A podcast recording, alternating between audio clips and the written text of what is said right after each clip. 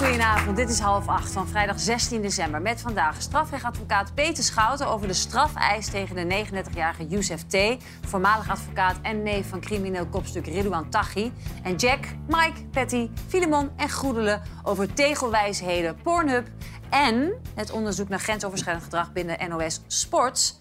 Want de omroep heeft uh, meerdere meldingen ontvangen van vermeende misstanden op de sportredactie. Uh, het zou gaan om ervaringen van vroeger, maar ook van korter geleden. Nou, Jack, hoe lang heb jij gewerkt bij NOS Studio Sport? Vanaf uh, 95 tot 2015. Behoorlijk, ja. behoorlijk aantal jaren. Ja. Wat dacht je toen je dit hoorde? Schrik je daarvan? Ja, ik schrok ervan. Ik heb nooit, maar dan ook nooit iets gemerkt.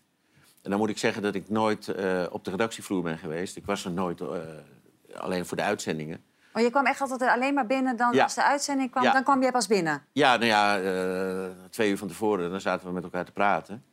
Eh, maar verder heb ik dat nooit. Ik heb ook nooit redactievergaderingen door de week meegemaakt. Ik ben er verder nooit geweest. Maar dat wat ik heb meegemaakt, eh, ik heb nooit iets, maar, maar echt nooit iets gemerkt dat er iets zou zijn. En ik lees net eh, dat het zelfs om tientallen gevallen zou gaan. Nooit Eh, verhalen ook gehoord? nee. Collega's? Nee, nee, nee, nee, nee, nee. nee. Ga je dan ook nadenken zelf? Ja, ja zeker. Van, ben ik wel eens onheus geweest tegen mensen? En, en dan, eh, dan lees je de verhalen van Matthijs wat er van waar zou zijn.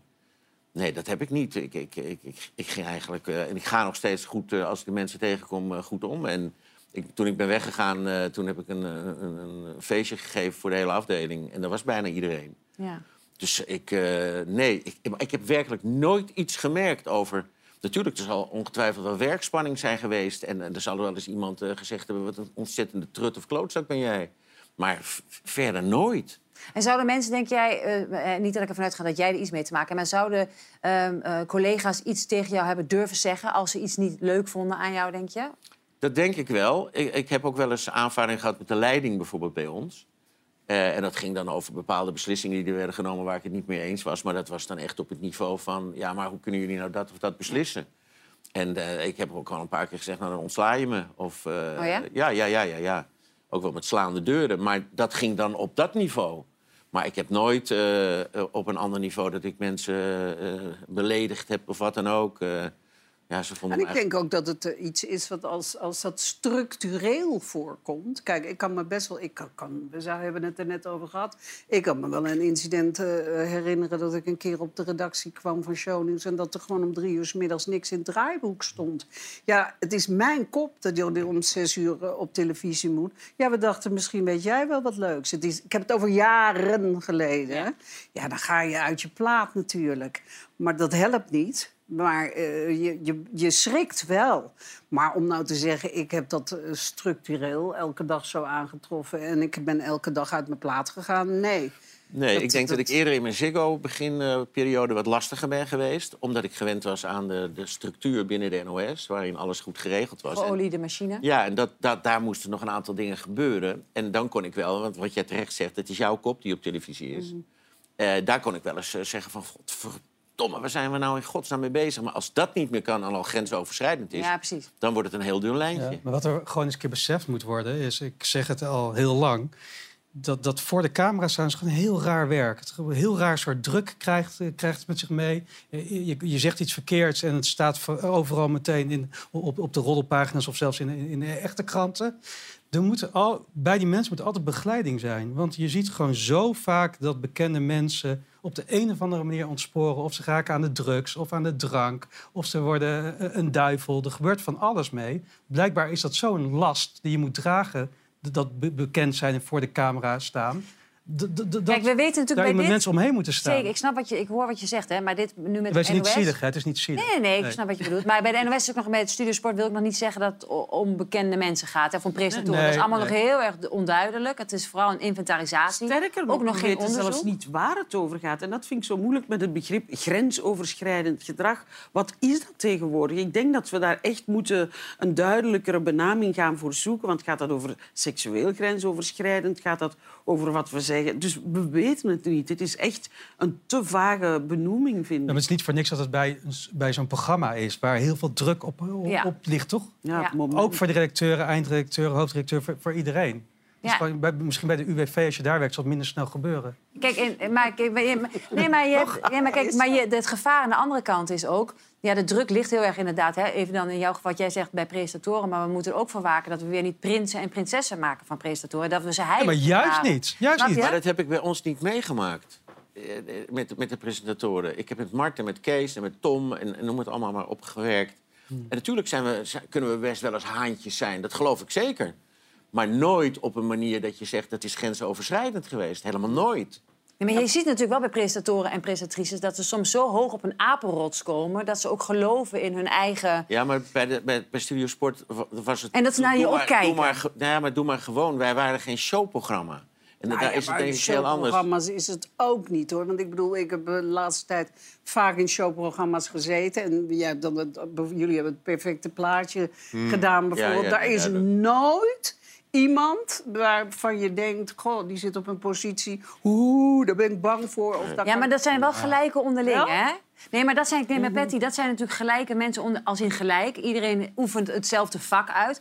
Maar je moet, je, natuurlijk, je kan natuurlijk, je moet niet onderschatten hoe soms mensen op kunnen kijken eh, naar bijvoorbeeld op, op, naar iemand en daardoor niet doorhebben. Nee, wat ik een mag Mart Smeets is. enorm, maar die is natuurlijk wel in de loop der tijd... Is die, dat hebben we ook in de media gezien. Die, die, die is ook wel echt in zichzelf gaan geloven. En die zei af en toe dingen dat je dacht van... Wat, wat, wat zeg je nu in hemelsnaam? Ja, die zag je wel van een, Maar van, ik heb van een, nooit een verslaggevertje naar... naar afserveren of zo. nee, maar Maar het kan natuurlijk ook iedereen zijn... verandert wel daardoor. Maar het kan Ja. natuurlijk ook zijn dat een hoofdredacteur of een, of een eindredacteur in zijn broek schijt... dat hij iets niet goed heeft geregeld voor die man die zich in zichzelf is aan Nou, ik heb ooit een keer een voorbeeld gehad tijdens het WK Voetbal 2006. Ik had een fantastische eindredacteur, René van Rijswijk... waar ik eh, te- 15 jaar fantastisch mee heb kunnen werken. Maar die had soms eh, ADHD-avonden, noem ik dat, in mijn oortje. Eh, eh, en maar op een hele positieve manier, want het was een geweldige gozer. Eh, maar die had, eh, tijdens dat WK had hij zo'n avond. En toen is hij in mijn oortje is hij zo ongelooflijk gaan tetteren. Constant dit en dat en dit en dat. En toen heb ik mijn oortje gepakt en in het bakje wat we hier niet hebben, pinda's eh, gedaan. en toen een kwartier In de la- uitzending. ja, en een kwartier later zag ik hem met zijn rugzakje alvast naar het hotel lopen. En de volgende ochtend hebben we gezellig zitten ontbijten en hebben we het uitgesproken. Ja. Ja. als, Ik en denk- dat is, dus, ja. dat is dus niet grensoverschrijdend, want je praat het met elkaar uit. Ja. Maar ik als denk dingen dat inderdaad... vergeten wordt. Dat je even met elkaar moet gaan zitten. Ja. Je kan echt Ja, of elkaar niet van alles het nog wat moment uitmaken... maar daarna ga even Nee. zitten, bespreek het even, drink een glas, klaar. Maar als Maar je me weggaat, dan blijf je ermee voorstellen- Ik kan voorstellen als je achtjarig redacteur bent en je hebt een mastodont, een hele grote presentator voor je neus, dat je dat, dan ga je minder snel zeggen van zullen we de volgende dag even koffie Nee, drinken maar of het is niet aan die uitspreken? 18 Maar jaar, de presentator. Maar is dat grensoverschrijdend? Nee, Nou maar we hebben het natuurlijk. Kijk, als we. Ja, Als dat is een heel lastig begrip. Goedelen. Ja, maar goedelen. Even jij als psycholoog. Eh, Kijk, want eh, dan nemen we even de wereld draait door als voorbeeld. Want Ja. dat, dit, dat heeft ook dit in gang gezet. Hè? Daarom is NOS ook onderzoek gaan doen. Dat gaat over een angstcultuur. Ja. En kijk, ik weet niet of dat bij NOS Studio Sport aan de hand is. Daar wordt nu een inventarisatie gemaakt. Maar er zijn meldingen binnengekomen. Van vroeger en, En van ik, nu. ik ga ervan uit, als er zo, eer dat zoiets naar buiten komt... dat er toch wel meer meldingen zijn dan zeven. Hè? Zoals bij De Wereld Draait Door ging het om 70 Nee, ik mensen. las tientallen. Dus dan gaat het over een, een structureel iets. Een Ja, dat is het structurele, woord. en ja, een, een, een angstcultuur die structureel is. Dat is niet een keer uit je slof schieten en zeggen... Ja. God, miljarden Jew, je hebt dat of dat gedaan. Ja. Dan heb je echt inderdaad iemand die niet doorheeft hoeveel macht dat hij heeft. Of daar juist heel erg van geniet, want het kan het ook zijn. Ja. De ene presentator heeft niet door, of eindredacteur, Ja. hoeveel macht dat hij heeft. De andere geniet daar juist van door te zeggen... Ja. zeg, lulletje rozenwater, bol het maar eens af. Hè? Ja. Maar goed, we wachten het af en eh, hier zal het een en ander nog wel duidelijk over worden. Ik wil heel even naar gisteravond. Naar dat ontzettende, lieve, ontroerende afscheidsconcert van Rob de Nijs. Waar Wauw. 1,2 miljoen kijkers van hebben genoten. Ja, en mensen ook echt in tranen waren. En hij zelf ook. Maar eens dan komt die dag, dan luidt ze de klok. Dan draag jij witte bloemen en allemaal lintjes aan je rok. Wanneer we met elkaar gaan, de kerk uitgaan, wat zullen ze dan kijken? Daar denk ik altijd aan.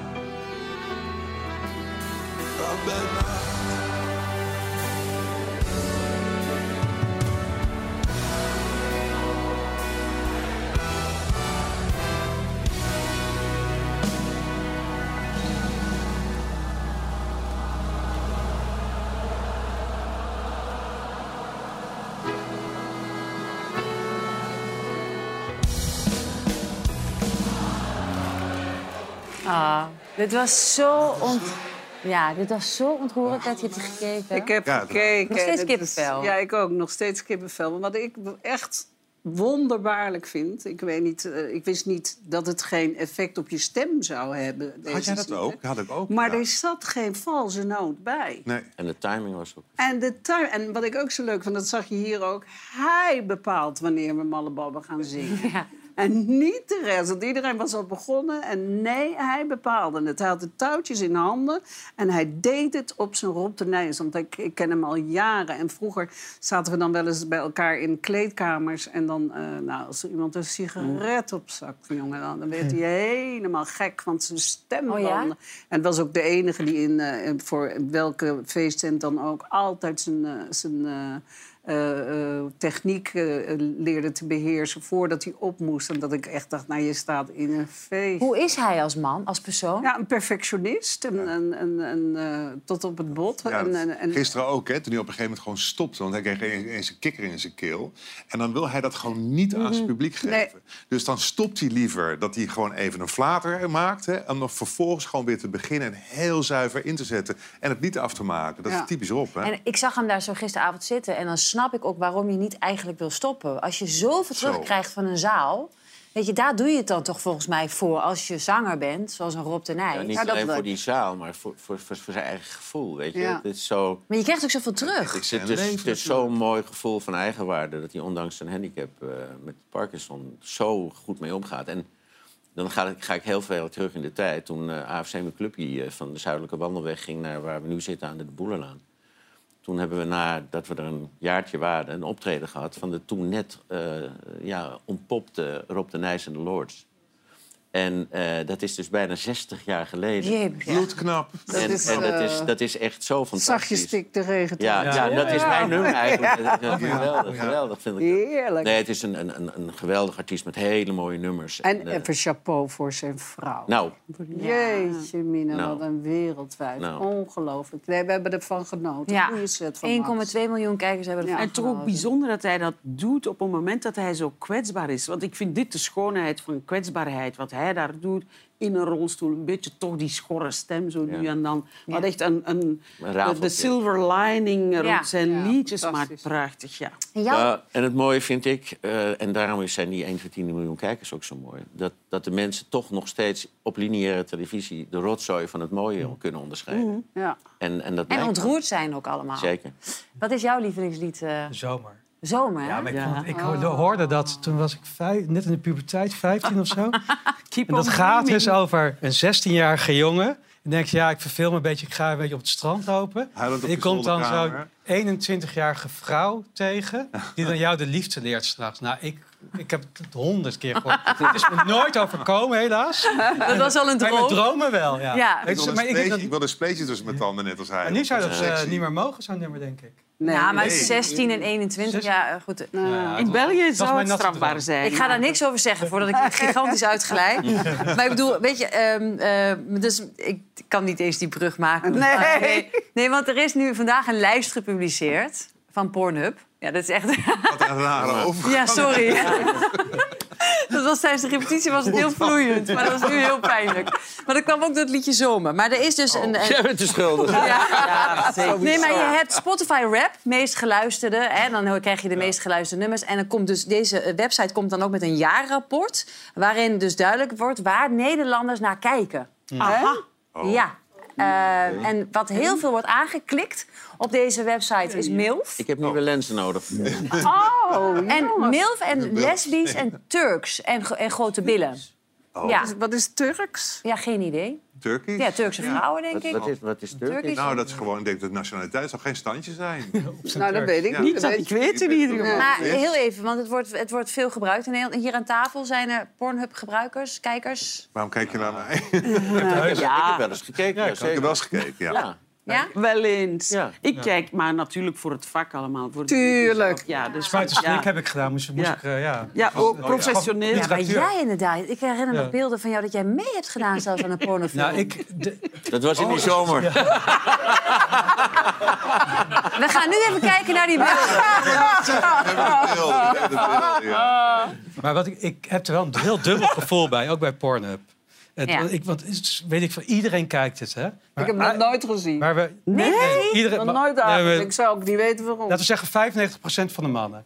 Maar, we- maar eigenlijk weten we totaal niet welk, wat voor wereld erachter zit. Hè. We, hebben Hoe geen, schimmig. i- we hebben geen idee wat voor bedrijf dat is, eh, wie de aandeelhouders zijn, wa- wat de werkomstandigheden zijn van die acteurs, hoeveel ze betaald krijgen. We weten helemaal niks. Dus we hebben het nu over Studio Sport of De Wereld Draait Door. Ja. Zijn we heel kritisch. Maar als het gaat om Pornhub, denken we, nou, iedereen kijkt het. En ik wil de consumenten ook niet de schuld geven, maar politici doen er ook helemaal geen reet aan. Want die durven hun, eh, ja, hun, hun- hun handen daar niet aan te branden. Geen reet aan Die is een vreemde ja, opmerking. ja, die krijgen gelijk de vraag van, kijk je het zelf dan wel eens? Maar is het dan waar jij voor pleit? Dus net als je hebt voor, voor, voor fashion, mode, eh, heb je green labels. Dat je weet waar het gemaakt is. Dat je zegt, we hebben ook Nee. een soort label voor Ja, dat is er, hè? Je, er is, je kan allemaal verantwoorde porno kan je kijken. Dan moet je voor betalen. Maar de meeste mensen doen dat niet. Doe jij dat? Want ik heb wel eens wat van die dingen gekocht, ja. En, en ook gewoon eh, dvd's ook. Ik kijk het altijd samen met mijn partner. Maar dat, je, ehm, ehm, dat, dat, je, dat, dat er iets is wat zoveel gebruikt wordt...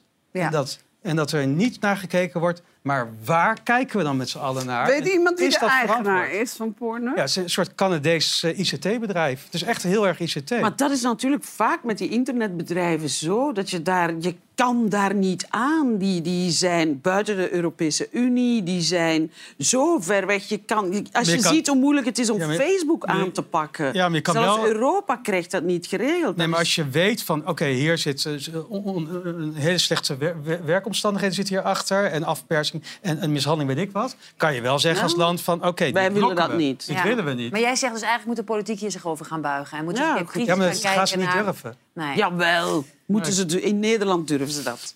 Ja, ik hoop nou ja. In België dus niet? Die zijn iets minder moedig, maar ik denk wel dat ze dat in Nederland absoluut zouden durven om, om toch minstens te gaan onderzoeken. Want natuurlijk, ze doen veel van die filmpjes onder de naam amateurbeeld. Ja, dan denk je dat is zo gratis leuk ingezonden, maar waarschijnlijk is dat ook niet waar. Ik ben Ik, gewoon eh, nieuwsgierig wat het met mensen doet. Want het is natuurlijk ook wel echt bewezen inmiddels... dat heel veel erectieproblemen juist door dit soort eh, eh, medium eh, voortkomen. Want ze gaan zich natuurlijk gewoon zo ongelooflijk optrekken aan iets wat ze zien... waarvan ze denken, oh, zo moet ik, ja, precies, zo moet ik presteren. Ja, ja, ja. En hoe schadelijk het ook is ja. voor de jeugd. Om al Ja. zo jong Ik vind het vooral heel interessant dat MILF op één staat. Want? We weten toch allemaal wat MILF betekent? Ja, ja, ja. Maar waarom is dat Ja, interessant? nee, dat vind ik heel raar. Ik dacht Is altijd... dat meer geeft de burger moed? Want, Ja, eh, precies. hè, ja. Nou, van mij. Dat is toch die 21-jarige? Ja, ja, iets ouder. We gaan even door. Ik wil, ik wil even hebben over Taghi vandaag. Want er was een, eh, een, natuurlijk een rechtszaak. Want vanochtend stond de neef en voormalige advocaat van Ridouan Taghi, Youssef T., opnieuw voor de rechter van Amsterdam. Het zat justitie al langer dwars dat uitgerekend een familielid optrad als advocaat van Taghi. Wat we weten is dat er in ieder geval gehandeld werd in verdovende middelen. Dat werd voortgezet vanuit de gevangenis. En dat er ook plannen waren om mogelijk een bevrijdingspoging te organiseren. Als advocaat had Taghi's neef lange tijd vrije toegang tot de topcrimineel. Er waren geen concrete aanwijzingen, behalve het ongemakkelijke gevoel natuurlijk... dat deze advocaat ook de neef was van eh Taghi. Dat een advocaat op deze wijze zijn eer schendt is een nieuw dieptepunt in onze rechtsstaat. Ja, Peter Schouten, wat is er vandaag besproken? Nou, vandaag was eh, de dag eh, van de strafzaak waar ook de eis zou worden geformuleerd. Dus dan krijg je eerst het requisitore, dat, hè, dat het OM uitlegt waarom zij vinden welke straf moet worden geëist. En daarna kwam de advocaat aan de beurt om een pleidooi te houden. Eh, overigens is het zo dat, dat zegt de hoofdofficier net van het landelijk pakket, is, is Youssef Taghi vrijgesproken van die, die bijdrage, om het zo maar te zeggen, aan die, aan die drugshandel. Dus ze vereiste ze vrijspraak, moet ik zeggen. En ook aan witwassen. Criminele organisatie dan wel. En wat andere dingen. En is er een straf geëist van zeven jaar. Ehm, nou, wat er ge- vooral gebeurde vandaag, ook weer eh, interessant was in het requisitoor van het OM, was dat eh, een beetje uitkwam hoe hij samen met zijn oom adviseerde en ook beraamde allerlei zeer gewelddadige uitbraken. Eén was het de bedoeling, ze noemden dan de EBI. Dat is de, de eh, zwaar beveiligde gevangenis waar, eh, hij, eh, waar, waar Ridouan Taghi in zit. Noemden ze de kluis, want die gingen ze dan opblazen. Er waren drones. Eh, hij zou dan met een auto wegrijden. En als ze dan achtervolgd werden, zou er 1500 euro stookolie... dat is niet zo goedkoop vandaag de dag, over de weg worden gegooid. Zodat die zware auto's, zo'n panzerauto weegt 4000 kilo, Zo. gewoon uitglijden. En dan zou die ook heel snel naar huis moeten worden gebracht... en een telen en een code krijgen. Dat werd helemaal gepland. En ze hadden een tweede plan, dat heette BIOS. Dat is de bunker in Osdorp, BIOS. Nou, daar hadden ze nog niet zoveel over, omdat die zwaar wordt beveiligd. Met 300 mensen, ook zelfs van het leger, omdat ze niet voldoende politieagenten hebben. En dan hadden ze nog een plan, Code Megamindi. Waar, eh, want ze spraken in dat soort termen, omdat je daar vrij openlijk dan over kunt spreken. En dat was om vier eh, gevangenisbewaarders eh, dus te, te gijzelen. En eh, eh, behoorlijk eh, veel geweld bij te gebruiken. Om natuurlijk zo dan te ontsnappen. Hij vroeg ook aan, aan hij, tenminste, het verhaal gaat, ik weet niet of dat zo is... dat Ridouan Taghi had gevraagd aan Youssef... kan jij mij de namen van de vier bewakers geven? Ja, ja. Kan je dat aan mij doorgeven, zodat Ja, we weten wie dat zijn? Ja, dat heeft hij dan, zegt hij zelf, deze keer niet gedaan. Hè. Dus, eh, eh, en daar, daar, daar, dat, daar kwam hij mij weg bij zijn oom, zei hij. Het is wel zo dat ze een corrupte gevangenis bewaren. Er vliegen opeens allemaal corrupte mensen in Nederland door de, door de lucht met eh, dit soort zaken. Die had, die had dus de opdracht gekregen om die namen op te zoeken. Want de Belastingdienst, ik zeg gevangenisbewaarder, dat is een vergissing van mij, sorry, een belastingmedewerker. Want die hebben al die gegevens. En bij hem thuis werd 920.000 euro aangetroffen, cash. Dus, dus eh, die had al 80.000 opgemaakt, denk ik dan. Want het zal wel een miljoen zijn geweest. Jeetje. Hè, en, en ja, dan zie je toch ook paspoorten vervalsen via het gemeentehuis Den, Den Haag. Er is heel veel corruptie, wat je niet zou verwachten. Maar wat, want kijk, Youssef, de advocaat in kwestie, die zegt dus dat zijn, zijn pleidooi is. Ik werd onder druk gezet, ik ben daar millimeter voor millimeter bijgetrokken, ik kon niet meer terug. Het, weet je, ik ben niet advocaat geworden om dit te doen, om een loopjongen en een boodschapjongen te worden voor mijn oom. Ja, en adviseur toch ook hoor. Want het heeft Geloof jij maar- hem? Is hij, Nou, geloof jij zijn enigszins wel? Hij claimt natuurlijk, ik ben eigenlijk hierin onschuldig. Kijk, zijn advocaat zei ook dat hij in een spagaat zat. Ik denk niet dat het zo gegaan is. Ik denk ook niet dat er een hele grote dreiging is geweest. Je ziet wel dat iemand stapje voor stapje erin rolt... als je gaat samenwerken met, met criminelen. Die kunnen heel overtuigend zijn. Dat was Holleder altijd. Eh Ridouan Taghi is natuurlijk ook een hele intelligente man... en die kan heel overtuigend zijn. Dus ik denk dat, dat eh, hij wel steeds meer in de problemen is gekomen. En hij had het er ook over dat hij eigenlijk zijn, eh, zijn toga... dat zei hij niet zomaar aan de wilgen wilde hangen. Hè, dus dat hij geen advocaat meer wilde zijn... en dat hij zou gaan werken als jurist. Dus dat hij er dan uit kon. Maar ik geloof het eigenlijk niet zo. Ik denk dat hij, dat hij wel met tegenzin naar zijn werk is gegaan hier... Hè, op een gegeven moment... maar dat hij toch eh, heeft bijgedragen op de wijze waarvan hij nu wordt verdacht. Maar goed, dat moet natuurlijk de rechter bepalen. Hoe groot is, is de macht van Ridouan nog, terwijl hij zo zwaar beveiligd daar zit? Buiten Nou ja, zijn gevangenis. Ik zeg altijd, het OM heeft een budget van 500 miljoen per jaar. En Ridouan Taghi zeggen, ze hebben een, heeft een budget van 300 miljoen. Dus dat is een grote macht. En hij zit daar in die eh, eh, PI. En hij kan dus nog steeds weer nieuwe communicatielijntjes ontwikkelen. Dus eh, het is gewoon voortgezet crimineel handelen vanuit de PI. Dat zie je tegenwoordig vaker. Ook de moord Peter R. de Vries waren al twee mensen die vanuit de PI dat, eh, dat planden. Hè, je kunt bijna beter een politiebureau in, de- in de gevangenis neerzetten dan, eh, dan daarbuiten. Dus daar moet wel wat aan gebeuren. Maar ik denk dat hij nog wel allerlei dingen tot stand kan brengen. het over het politiebureau. Wat ik me nou afvraag, ik woon niet zo ver van Osdorp af. Eh, dan is het een soort militaire operatie... wat er allemaal Ja. over je dak vliegt en wat Ja. er allemaal langs rijdt. En, en is het nou zo lastig om daar een rechtbank vlakbij die EBI neer te zetten? Nee, dat is natuurlijk het grote probleem. Je ziet mij dan ook voorbij rijden. En dan zitten de chauffeurs met bivak. Ik wuif steeds, maar Ja, ja ik, ik probeer terug te wuiven, Jack. Maar het is allemaal geblindeerd. Ja, ja, ja. En, en eh, ja, dat is ook heel raar dat we daar deze eh, zeg maar rechtbank hebben. Hè, daar moet van alles aan gebeuren. Ze zijn nu in Vlissingen wat aan het eh, verzinnen. Maar dat duurt allemaal veel te lang. En we krijgen er ook nog eens eh, ongeveer 30 mensen bij met een levenslange gevangenisstraf.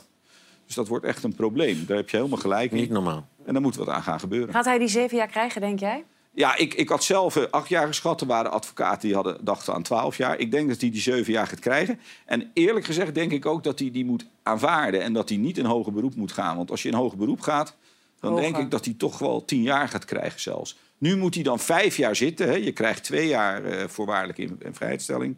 Eh, en, en dan moet hij vijf jaar zitten.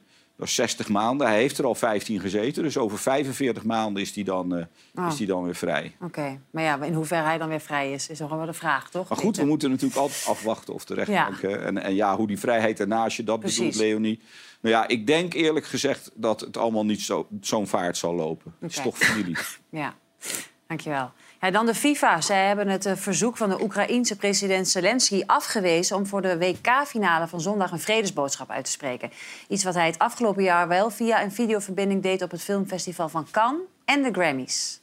Великий диктатор Чарлі Чапліна не знищив тоді реального, реального диктатора. Our musicians wear body armor instead of tuxedo. They sing to the wounded in hospitals. Ja, een goede manier natuurlijk van communiceren met de wereld. Vind jij terecht, uh, Filemon, dat de FIFA dit heeft afgewezen?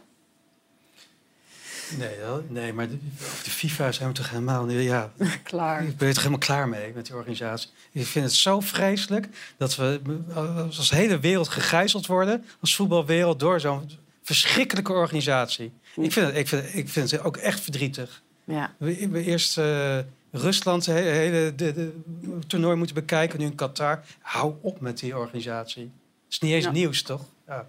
Dat, eh, ja, het is, wel, het is wel nieuws, omdat het natuurlijk is afgewezen. Goede, hoe kijk jij daarna? Ja, ik ben het helemaal eens wat Filemon zegt. En de FIFA zegt altijd, wij doen niet aan politiek. Maar dat is onzin natuurlijk. Je kan niet zeggen, hier spelen we voetbal... en dan trekken we daar een grote muur omheen... en de buitenwereld bestaat niet. En, en dat is natuurlijk weer pijnlijk gebleken. Sowieso de toewijzing van Qatar, daar hebben we het hier al over gehad. Maar dan met die bandjes hè, van One Love... dat dat dan zelfs, die kapiteins dat dan niet mogen dragen van de FIFA... Ja, laffigheid en ja... hoe lang kunnen zij zich daar nog achter verschuilen? Dat dat politiek Nou ja. en voetbal niet samengaat. Het wordt toch te veel. Voorlopig is er eh, door eh, de hele voetbalwereld geen eh, kandidaat, tegenkandidaat voor Infantino gekomen. Dus die wordt in het voorjaar eh, wordt die gewoon weer herkozen en kan weer verder gaan met zijn spelletjes. Er wordt gezegd over acht jaar gaat het WK naar Saoedi-Arabië. En, er- en, en, en er wordt zelfs al gefluisterd dat het op een gegeven moment misschien dat Noord-Korea zich een keer. Nee. Ja, nou echt. Je moet, geen grapjes. Zijn het, is niet waar. Nee. er zijn, Nee. er zijn, nou, neem het van mij aan, er zijn allerlei dingen al gaande. Eh, men wil juist in de gebieden en de landen die, die bezoedeld zijn door wat... die willen graag Ja, tuurlijk. eh, de goodwill, Ja, eh, de goodwill eh, Ja. kweken. En, en, en deze meneer is gewoon heel eng. Die, gaat, die wil nu een, een, een toernooi hebben met 32 eh, clubteams om, eh, om, een wereld, eh, Ja. om een wereldbeker. Hij is megalomaan, hij is gek. Eh, en in dit geval Zelensky eh, kan ik me, als het een normale organisatie zou zijn, zeggen: nee, wij willen geen politieke statements, maar hij heeft boter op zijn hoofd. Maar ik had het veel krachtiger gevonden als de voetbalbond zich had uitgesproken over het feit dat Iraanse voetballers die daar het volkslied niet hebben Mhm. meegezongen, dat die met hun familie nu in gevaar zijn Ja. vanwege het volstrekt debiele regime wat daar in Iran is, waar dagelijks eh, mensen, jonge mensen, worden opgehangen, gemarteld, eh, langs de weg dood worden gevonden. Dat, dat, dat had ik een statement. Als dit zo doorgaat, gaan op een gegeven moment toch wat grote westerse voetballanden gaan zeggen van jongens, We doen die Maar ze, wij, wij, wij Kan beginnen zelf. ja, maar ze, ze doen het niet op een of andere manier. Ze durven het niet. Ik heb geen idee Maar wat als er... eh, Noord-Korea is natuurlijk wel de next step. Ja, dat dan gaat op een gegeven moment Frankrijk, Ja. Engeland gaan zeggen... jongens, dit, eh, dit, Nee. we zijn niet gek. Maar ja. Saoedi-Arabië is natuurlijk ook al... eh, Ja, Ja. dat vind ik ook van de gekken. Wij, hebben zin in, we hebben zin in wat kerstgevoel. We hebben zin in wat positiviteit. En de jongens van Banner staan al klaar Jij met begint hun- met die onderwerpen. Ja. allemaal. Ik dacht je cadeautjes meegenomen. worden. Nee, maar ik heb zin in muziek. Ik heb zin in Banner. Eh, jongens, ik zou zeggen, take it away met een heerlijk kerstnummer. voor jullie. Hier zijn de jongens van Banner. Ja, even tijd voor wat luchtigs. Ik hoop dat jullie allemaal zin hebben in kerst. Want ik wel. Je bent al maanden in extase. Nog voordat de kerst begint. Niet anders dan andere dagen. Naast jou ben ik de Grinch. Maar heb een zwembad op de rand vol met gloewijn gevuld. Zoek Fluffy voor je op en ik breng hem weer terug. Want ik wil kerst voor jou bijzonder maken. Dus als je nog iets mist, zet het op je lijstje. Nee, niks is te gek. Oh, wat je wil, je krijgt het. Ik maak het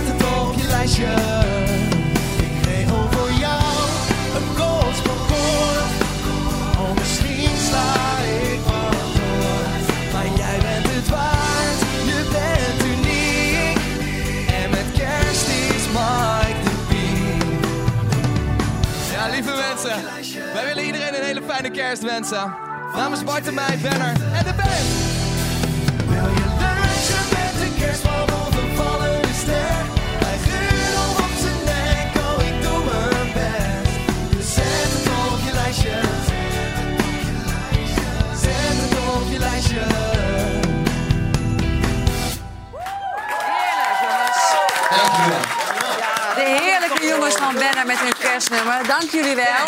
Straks een eh, bijzondere veiling met beroemde objecten uit Hollywoodfilms. Wat dacht je van de jurk van Kate Winslet in Titanic? En vraag K. Groenelen of er in België ook eindeloos wordt gediscussieerd over de slavernij-excuses. Tot zo.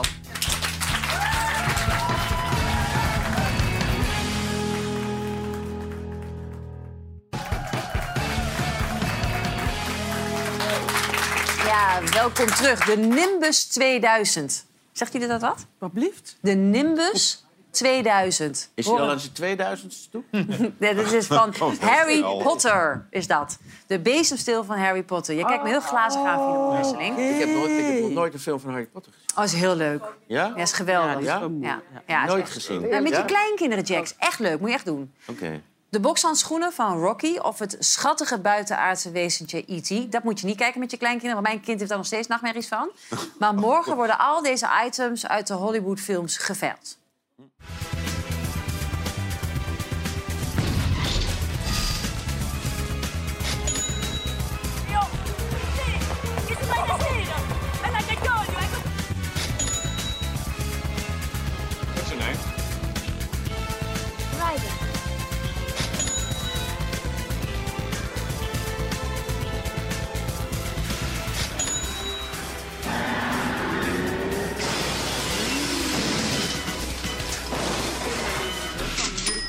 Ja, en die auto die doet het niet, hè? Openingsbod 100.000 euro. Ik wilde hè? het raam hebben, maar dat doe ik niet meer.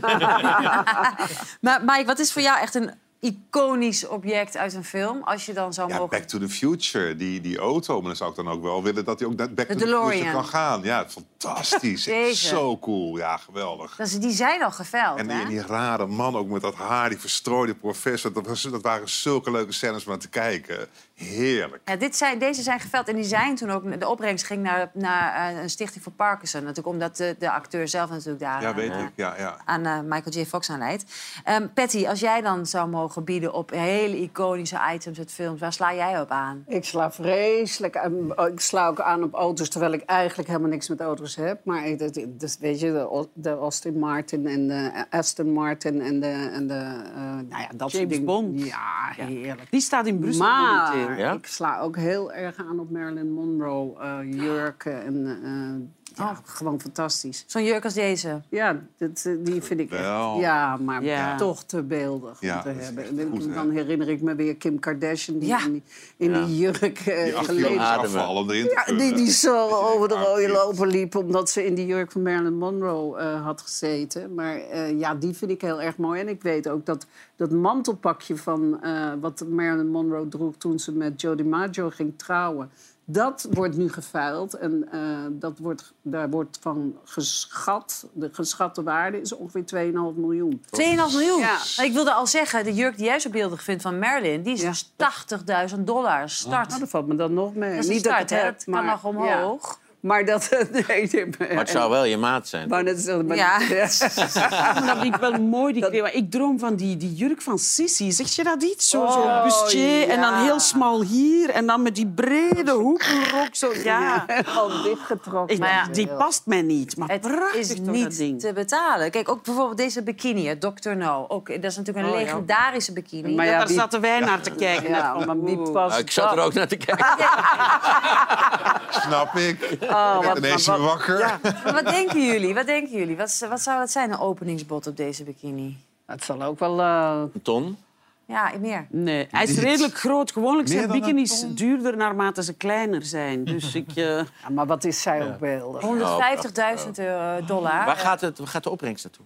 Nu? Nou, ja, dat is een goede vraag. Dat weet ik net Ja, maar weet je, er zijn ook mensen die echt eh, eh, eh, dit soort dingen... Net zoals niet die naar jurk goed van. Marilyn... Nee, die jurk van Marilyn Monroe zien ze dus echt bijvoorbeeld als een investering. Want die is al een keer eerder gekocht door iemand Ja. voor een miljoen. En die gaat dan een paar jaar later gewoon voor 2,5 miljoen de deur Ja, uit. nu Dus vind ik het wel interessant. Ja, ja, Ja. dat dacht ik Het wel, zijn ja. collecties. Maar deze, nou ja, ook wel beroemde jurk van Kate Winslet in de Titanic. Ja, het is niet een, ik vind het niet een hele bijzondere Nee, normaal jurk. niet. Oh, heel spannend, toch? Maar toch, Mike, even met jouw modeogen. Ja, een beetje tuttig. Ja, wat denk je? Ik vind zo'n communiejurk. Ja, ik denk ook, maar deze jurk is denk ik ook gemaakt voor vijf- 50 Ja, dollar misschien. Ik denk dat hè? het helemaal niks gekost Maar die heeft, had ik dit. nog wel in elkaar gezet. Ja, en deze is dus nu, de openings, dus het starttarief staat nu op volgens mij zeven- ja, 70.000 dollar. Ja, kan je nagaan. Ja, Peter? probeer eens de kleine props, hè, zoals de revolver achter de wasbak in het toilet... die Michael Corleone in The Ja. Godfather pakt... om dan die Solosso en die politieinspecteur dood te schieten in dat restaurant. Dat kost vast niet meer dan 2000 dollar. Die wil ik wel hebben. Ja, dat is wel lachen, ja. Ja, in de Godfather. En wat ga je er dan mee doen? In een kastje zetten. Oh, ja, ik, zo- zou, ik zou iets kleins willen hebben. Ik heb een aantal favoriete films, maar eh, One Flew Over the Cuckoo's Nest is daar één van. En in One Flew Over the Cuckoo's Nest is er een indiaan die helemaal nooit spreekt. Tot hij op een gegeven moment een basketbal in handen krijgt. film. En ja, het is Ja. een waanzinnige film.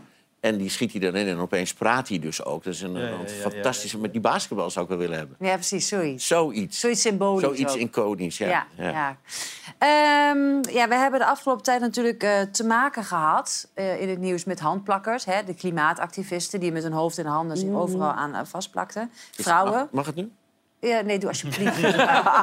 Op tafel dan, Ik midden. Hè? uit. Nou... Ben jij zo lenig dan, Jack, dat jij hier op tafel nu zo springt? En, eh, Nou, de op, nou, ik zou erop klimmen en daarna zou ik even vragen of we een commercial break gaan... dat ik er weer af kan. Maar we zagen ook vrouwen die haren, jij ook goede vrouwen die hun haren afknipten voor Iran. Dat is natuurlijk een goede manier om aandacht te vragen. Nou, in Mexico heeft een eh, mevrouw, een senator, iets anders bedacht ook. Ja. Zij ging als volgt naar het eh, parlement. Dat zien we hier.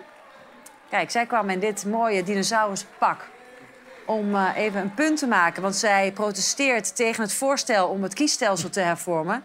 Zij noemt het een prehistorisch plan. Ik dacht dat Thierry Baudet binnenkwam. Die was Ik- vandaag geweest. Ik vind het wel geestig. De, ik vind het, eh, jij, Filemon? Ja, het past natuurlijk wel in de trend dat politici vooral heel erg bezig zijn, blijkbaar ook in Mexico, om vooral in beeld te komen. En ik denk niet dat, dat als zo iemand binnenkomt, dat je denkt, ook ga eens heel serieus eh, luisteren wat voor punt je eigenlijk hebt. Je wordt Nee. toch een beetje afgeleid op de een of andere manier. Je wordt zeker af... overschreeuwen van je, van, je, van je dingen ook. Dat je denkt van wat, hoeveel herrie wil je maken zeg. Als jij gewoon een hele stevige politicus bent, dan kan je je punt toch gewoon maken. Er toch geen pak voor nodig. Ja, goed, jij bent wel enthousiast. Ja, ik ben niet helemaal eens. Ik, ik twijfel heel erg, moet ik zeggen. Maar ik kan me wel voorstellen dat je op een bepaald moment zo beu bent... dat ze maar over je heen praten en dat je nooit de kans krijgt om je punt te maken. Dus zegt, nu ga ik eens iets heel wild doen... waardoor wel, oké, ze gaan over dat pak schrijven... maar ze zullen ook wel over haar stelling en waarom doet ze dat. En, en ze heeft dan een beetje een geforceerde uitleg... want ze noemt dan een, een Jurassic eh, idea of zoiets... van ja, het is helemaal terug in de tijd... Dus ja, ik vind dat... Ja, Maar het wordt in dan- à la guerre comme à la guerre. In de oorlog mag je alles doen. Zit jij zelf wel eens te denken eh, aan een ludieke actie? Want jij zit natuurlijk in de politiek in, in Ja, België. ja, ik heb zoals je zegt in het parlement, terwijl ik aan het spreekgestoel stond, mijn haar afgeknipt. Ja, dat hebben we beeld van. En, ja. nou ja, en daar heb je toch ook een pluk afgeknipt? Ik moet eerlijk zeggen. Want ik zag kleine plukjes hier en daar hè, Ja. bij media optreden. En ik denk, nou, daar komt wel meer vanaf. En bij jou dacht ik, nou, je gaat goed dicht Oh, op de mijn hoofd uit. En dat is wel een goede pluk. Ja, weer. ik vond, ik vond dat heel stoer om dat te doen. En toen, je ziet dat natuurlijk niet. Je hebt geen spiegel, je bent, eh, dus je knipt gewoon. Ja, dus maar het was doet, iets je- groter dan Ja, ik, dan ik dacht. Ja. Maar, maar verder dan dat, nee, nee, nee. Je hebt bij ons wel mensen die van bovenop eh, eh, rare dingen roepen en zo. Maar nee. Ik ben wel blij dat het zevende dag dat je een hele slechte kapper had. Oh. Grapje. Een hele valse grap die niet valt. Ik zie jou ook. De onduidelijkheid. Pas op, hè. De onduidelijkheid vanuit het kabinet rondom de slavernij-excuses eh, lijkt maar niet aan zijn einde te komen. Want hoewel er, hoewel er vandaag uitsluitsel zou komen, heeft Rutte toch gezegd dat ze tot maandag nog in nevelen gehuld houden, de excuses. Wel heeft hij gezegd dat Nederland geen herstelbetalingen gaat overmaken of schadevergoedingen en salarissen aan nazaten gaat vergoeden. Nou, daar zou ik, eh, daar zou, dat zou ik goed vinden. En Ik heb al eerder gezegd, ik vind zeker dat je, er, eh, dat je excuses moet aanbieden. Dat je een mooi museum moet inrichten. Dat je moet zorgen dat in de leerstof eh, heel duidelijk wordt gemaakt... wat er gedaan is, ook door Nederlanders... maar ook door een heleboel mensen in andere landen. En dat dat het dan moet zijn. Ik vind, en, en, en dat er dan eventueel nog bepaalde fondsen komen... om bepaalde zaken te ondersteunen, prima. Maar eh, geld uitkeren aan nazaten in deze, dat, dat komt mij te veel Maar op. is het eh, niet zo dat... eh, ik kijk even naar jou. Want als eh, je officieel je excuses als land aanbiedt... dan schijnt het zo te zijn dat je dan ook moet betalen. Is dat zo? Dan is er juridische opening Ja. inderdaad dat je een claim kan indienen. Die, waar, dus dat kan uitmonden inderdaad in een schade. claim, ja. Maar dus Daarom liggen excuses ook zo zo gevoelig. gevoelig, precies. Ja. Ja. In België speelt net hetzelfde. Ik zit, eh, wij noemen dat de Congo-commissie, maar eigenlijk is dat de Commissie Koloniaal Verleden. Wij zijn twee jaar aan een stuk naar alle deskundigen van... Twee aan- jaar? Twee jaar aan een stuk daarnaar aan het luisteren. En wij moeten volgende maandag landen. En het hele gesprek gaat over, gaan we wel of niet die excuses aanbieden. De En koning wij- heeft daar wel een aantal keren spijt betuigd. Voilà, de koning is daar geweest. En Ja. dat is iets heel anders. Ja. Spijt, berouw. maar zijn wat andere Patty woorden. net zegt, de, de, het risico bij excuses bestaat dat je herstelbetalingen... eh ikzelf en mijn partij bij uitbreiding, wij zijn echt tegen die herstelbetaling. Wat ga je nu aan de bevolking van nu, want dat zijn de belastingbetalers, vragen om te betalen voor iets waar ze dus niks mee te maken hebben? Waar ze zelfs destijds, want het was destijds geen democratie zoals nu, eigenlijk nauwelijks zeggenschap over hadden. Dus dat de mensen van nu daarvoor zouden moeten betalen, dat is al een reden om het niet te doen. Bovendien, waar komt dat geld dan terecht? Waar gaat dat naartoe? Aan wie ga je dat geven? Ik vind wel dat je heel duidelijk onderwijs... Wat hebben ze ons wijsgemaakt alsof we daar goede dingen Ja, gedaan ja, hebben? dat is heel belangrijk. dat is maar niet waar. Nou, ik vind dat er eigenlijk wel herstelbetalingen moeten komen... omdat we ook 200 jaar lang van die slavenhandel hebben geprofiteerd. Maar dat dat inderdaad wel heel goed besteed moet worden... aan bijvoorbeeld onderwijs, onderwijs, onderwijs. gaat het wel. Zodat we ook in die gebieden zelf, zoals de Congo... eh, zorgen dat de mensen daar kunnen blijven en een goed leven hebben. Wat jij zegt over België is natuurlijk apart. Want eigenlijk was Congo eerst een, een wingewest van de koning zelf. Hè. Dat was eigenlijk niet een soort kolonie, maar eigenlijk zijn eigen De vrijstaat. planterij. Ja, de vrijstaat. En dus moet eigenlijk het koningshuis in België alles betalen. Ja, dat, dat zijn stemmen die ook opgaan. Dat diegenen die zich verrijkt hebben, en dat is meer dan het Koningshuis, want er zijn de top 10 van de rijkste België hebben allemaal in die voormalige koloniën eh, zich behoorlijk verrijkt. Dat zijn ruime families ondertussen met grote bedrijven en zo.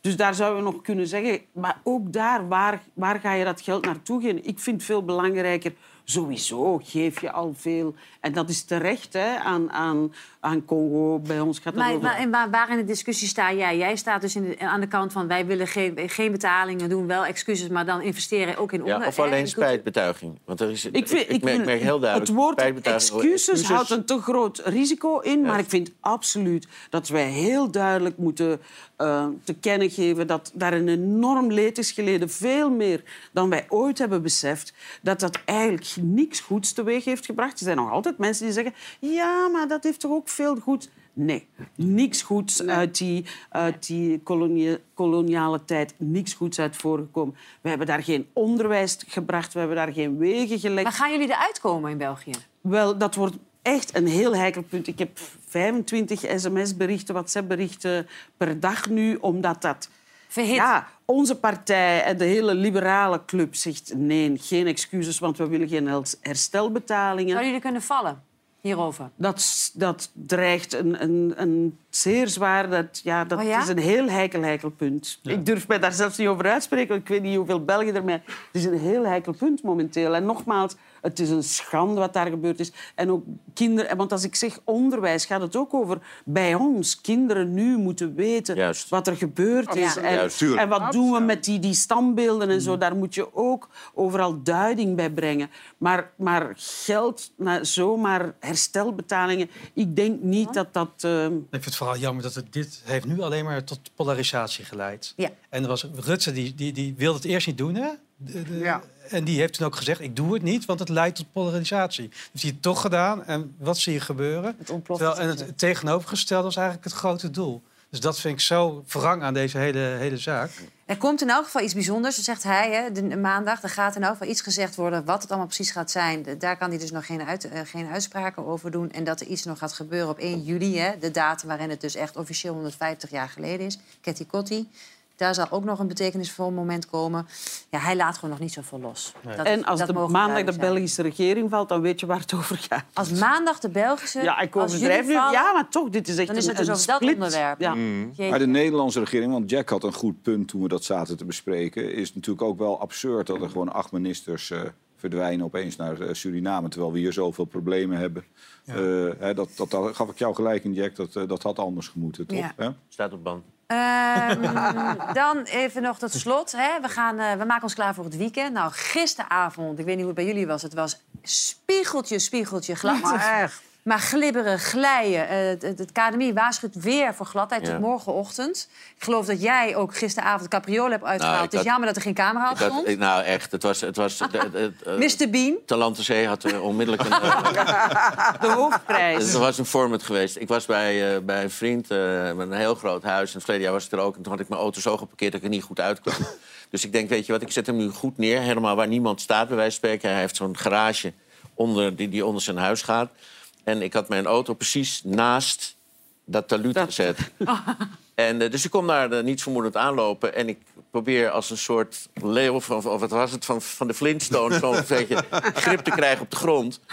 En ik denk, nee, hè. Nee, nee, nee, nee, nee. Jij gaat niet... Ik was echt eh, in- tegen mezelf aan het praten. En ik- dat verveelde mij al. Kan je nagaan wat andere mensen hebben. en, dus ik, ik heb het idee, ik glij weg. En toen heb ik me vast moeten trekken aan mijn buitenspiegel.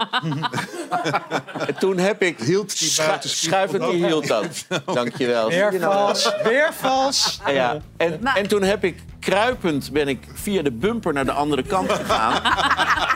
Nou, als, daar, als die man een camera heeft hangen... Dat, we hebben geen beelden. Nee, ik wel heel maar jammer. vertel ik het bloemrijk genoeg. En toen ben ik aan de andere kant dus...